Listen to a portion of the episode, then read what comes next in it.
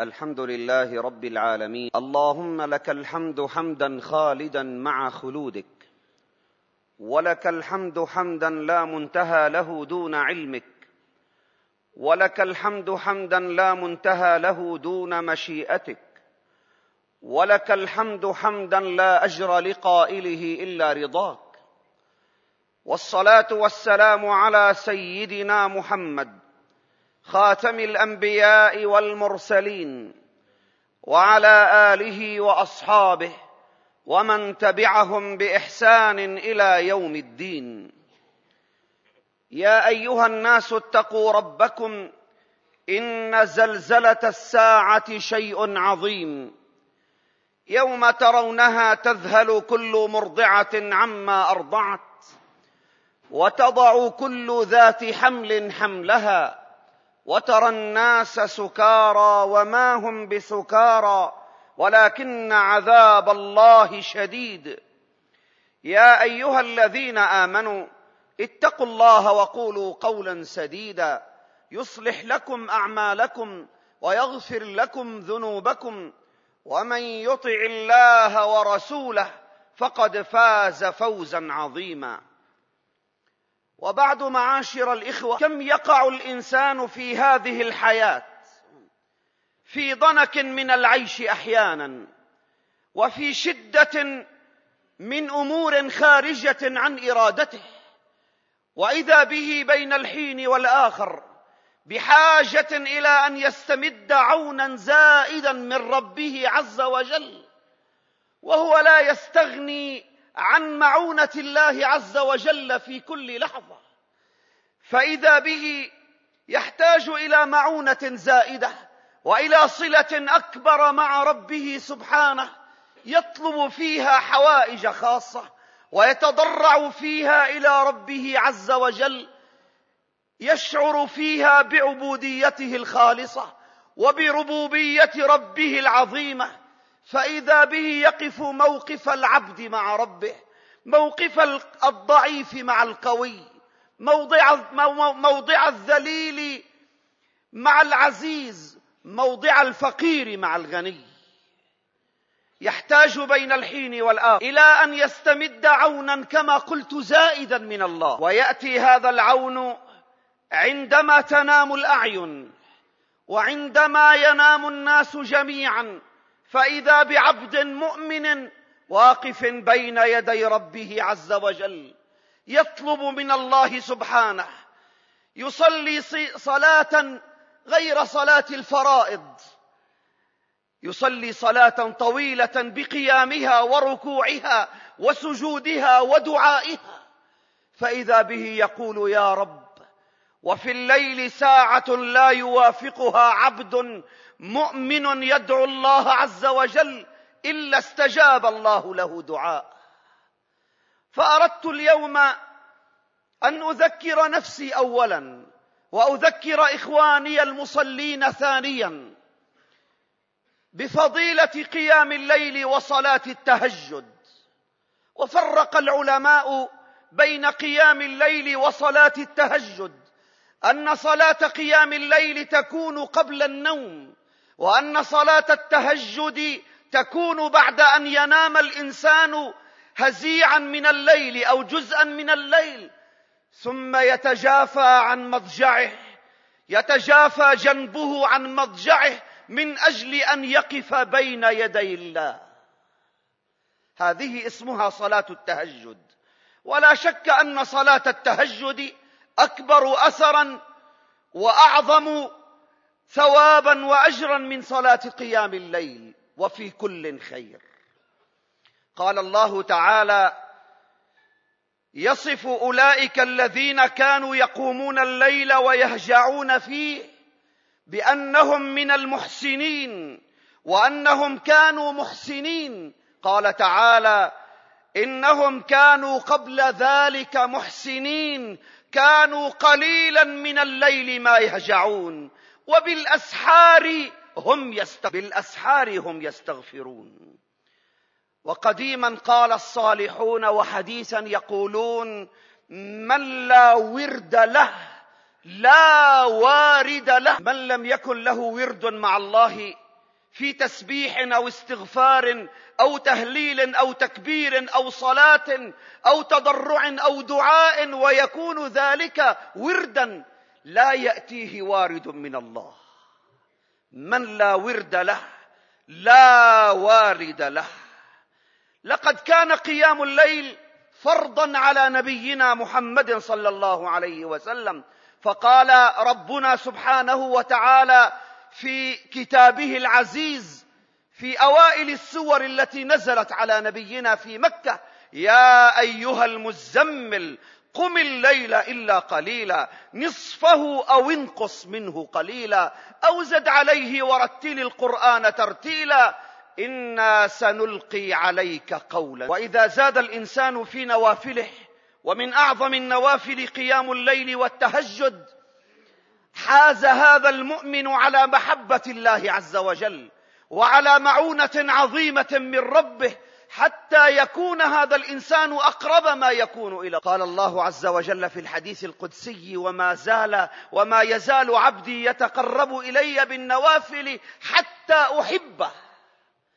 فإذا أحببته كنت سمعه الذي يسمع به وبصره الذي يبصر به ويده التي يبطش بها ورجله التي يمشي بها ولئن سألني لأعطينه ولئن استعاذني لأعيذنه. هذه النوافل وعلى رأسها قيام الليل تجلب محبة الله لهذا الإنسان. إن قيام الليل أيها السادة إنما هو شرف للإنسان المؤمن. قال نبينا عليه الصلاة والسلام أشراف أمتي حملة القرآن وأصحاب الليل. أشراف أمتي حملة القرآن وأصحاب الليل. وربنا عز وجل أثنى عليهم فقال أمن هو قانت آناء الليل ساجدا وقائما يحذر الآخرة ويرجو رحمة ربه. قل هل يستوي الذين يعلمون والذين لا يعلمون؟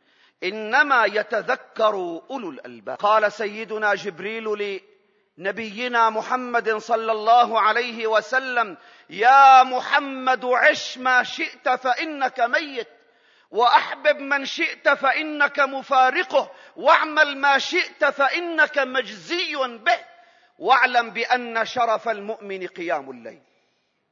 شرف المؤمن قيام الليل وأن عز المؤمن استغناؤه عنه. فإذا ما كان قيام الليل تهجدا هجر صاحب الفراش فراشه من أجل الله. تتجافى جنوبهم عن المضاجع. تتجافى تبتعد. تتجافى جنوبهم عن المضاجع. يدعون ربهم خوفا وطمعا. ومما رزقناهم ينفقون. فلا تعلم نفس ما أخفي لهم من قرة أعين. جزاء بما كانوا يعملون. ينادى يوم القيامة يوم القيامة ينادى أين الذين كانت تتجافى جنوبهم عن المضاجع فيقومون فيقال لهم ادخلوا الجنة بغير حساب. تتجافى جنوبهم عن المضاجع. فلا تعلم نفس ما أخفي لهم من قرة أعين. شيء تقر به عيونهم وشيء تلذ به نفوسهم ويشعرون بنعمة الله عز وجل عليهم فيعطيهم الله عز وجل شيئا ما عهدته نفوسهم ولا عهدته عقولهم ما لا عين رأت ولا أذن سمعت ولا خطر على قلب بشر. لقد كان عليه الصلاة والسلام يقوم من الليل حتى تتفطر قدماه. وتسأله السيدة عائشة يا رسول الله ألم يغفر الله لك ما تقدم من ذنبك وما تأخر فيجيبها قائلا يا عائشة أفلا أكون عبدا شكورا فإذا كان الذي غفر الله له ما تقدم من ذنبه وما تأخر يقوم حتى تتفطر قدماه. فكيف بالذي سود الصفحات؟ وكيف بالذي فعل المعاصي والموبقات؟ كيف؟ كيف سيلقى الله؟ إن صلاة الليل أيها السادة وصلاة التهجد تجعل للإنسان علاقة خاصة بربه يظهر ذلك على آثار وجهه. قال الحسن البصري رضي الله عنه. وقد سأله بعضهم يا إمام لم الذين يقومون الليل هم أنظر الناس وجوها؟ فقال الحسن البصري وهو من كبار كبار التابعين. قال لهم هؤلاء خلوا بالرحمن. فأعطاهم الرحمن شيئا خلوا بالرحمن. فأعطاهم الرحمن شيئا من نوره. نعم إنهم أشراف الأمة. أشراف أمتي حملة القرآن واصحاب وعبد الله بن عمر بن الخطاب رضي الله تعالى عنه وهو ابن عمر بن الخطاب وأحد العبادلة الأربعة. وأخته صفية زوجة رسول الله أم المؤمنين. رأى في يوم من الأيام رؤيا. عبد الله بن عمر. رأى رؤيا كأن القيامة قد قامت ثم أخذ به إلى جهنم. فإذا بها مطوية كطي البئر. وإذا لها قرنان فابتعد عنها وقد ساقه إليها ملكان. فقال أعوذ بالله. فلما قال ذلك جاءه ملك فأخذ بيده فقال لن تراع أو لم ترع أو لن تراع لا تخاف. لن تخف لن تخاف. قال فقام من وهلة نومه فقص ذلك على أخته حفصة. فذهبت حفصة فقصت ذلك على نبينا صلى الله عليه وسلم. فقال لها النبي صلى الله عليه وسلم كلمتين. فقالت يا رسول الله هكذا رأى أخي عبد الله. ماذا تقول؟ قال يا حفصة قولي لاخيك نعم الرجل لو كان يقوم نعم الرجل. لكن لو كان يقوم الليل لكان أفضل. فلما ورد الكلام إلى عبد الله بن عمر قال راوي الحديث فما ترك عبد الله بن عمر قيام الليل إلا قليلا. لازم قيام الليل بعد أن سمع قول الحبيب محمد نعم الرجل. لو كان يقوم الليل. يا معاشر السادة إن قيام الليل له فضائل كبيرة. قال عليه الصلاة والسلام عليكم بقيام الليل. فإنه دأب الصالحين قبلكم. عمل الصالحين وفعلهم.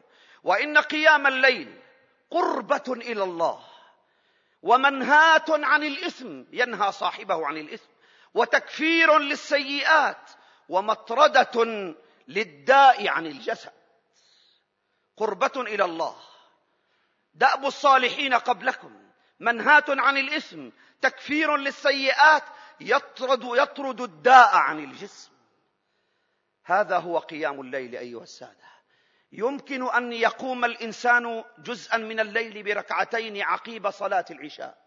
فإذا ما صلى العشاء وصلى سنة العشاء قام فصلى ركعتين كان ذلك قياما لليل. وهذا ورد جميل. فإذا أراد ما هو أفضل من ذلك عليه أن يقوم قبل صلاة الفجر بساعة يسأل الله عز وجل في تلك الساعة المباركة فإن ربنا عز وجل كما ذكر ينزل إلى السماء الدنيا فيقول ألا هل من مستغفر فأغفر له؟ ألا هل من تائب فأتوب عليه؟ ألا هل من صاحب حاجة فأقضيها له؟ هكذا حتى يطلع الفجر.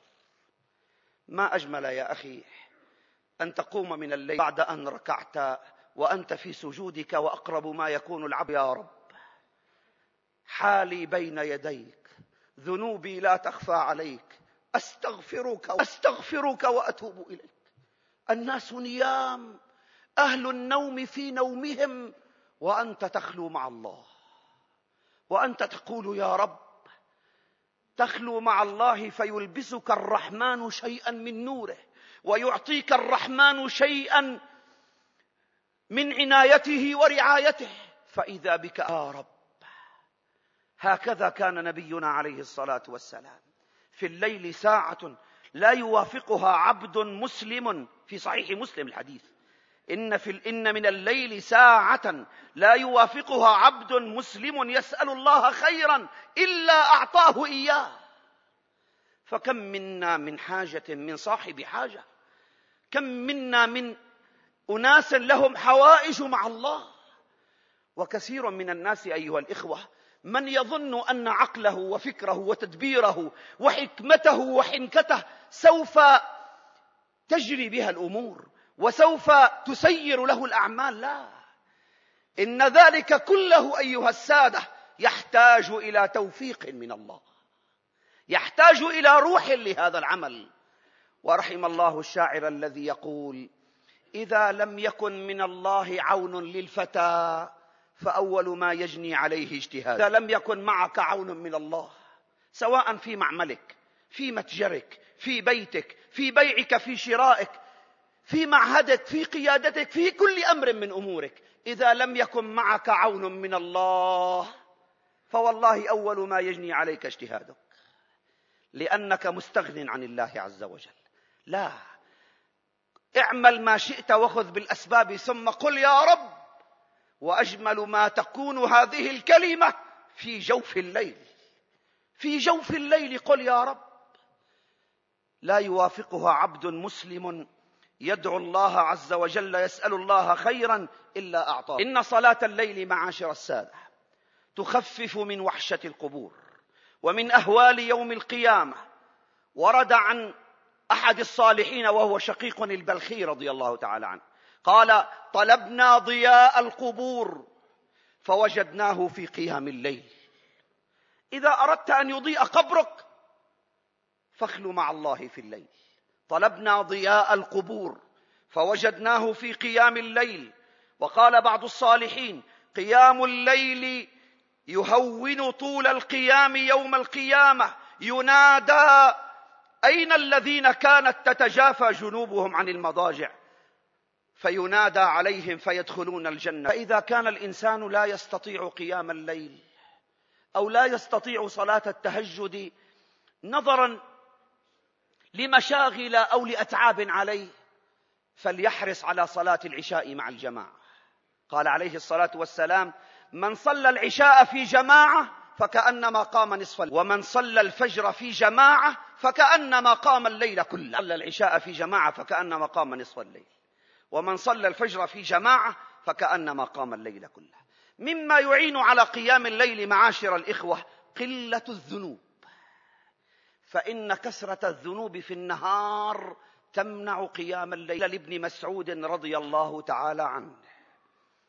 لما عجزنا عن القيام بالليل؟ فقال أقعدت أقعدتكم ذنوبكم وما حرم من حرم إلا بذنب أتى. مما يعين على قيام الليل الاستقامة على أمر الله والتوبة إلى الله. ومما يعين على قيام الليل القيلولة في النهار. ومما يعين على قيام الليل الإقلال من الطعام. ما بال الواحد منا يتناول عشاء ضخما؟ ولقد ورد عن الإمام الشافعي رضي الله تعالى عنه وقد قدمت له يعني خيارة بعد صلاة العشاء فأبى أن يأكلها خيارة. فقالوا يا إمام خيارة ما ليس فيها لا بروتينات ولا نشويات. قال أخاف أن تمنعني رطوبتها. أخاف أن تمنعني رطوبتها عن كتاب الله. ما يعين على قيام الليل سلامة القلب من الغل والحقد والحسد. نبينا عليه الصلاة والسلام قال لأنس بن مالك يا بني إن استطعت أن تصبح وتمسي وليس في قلبك غل لأحد فافعل فإن ذلك من سنتي ومن أحب سنتي فقد أحبني ومن أحبني كان معي. الغل والحقد والحسد تمنع من قيام الليل. وإن أعظم ما يعين على قيام الليل شدة وشدة الشوق إلى شدة الشوق إلى لقاء الله.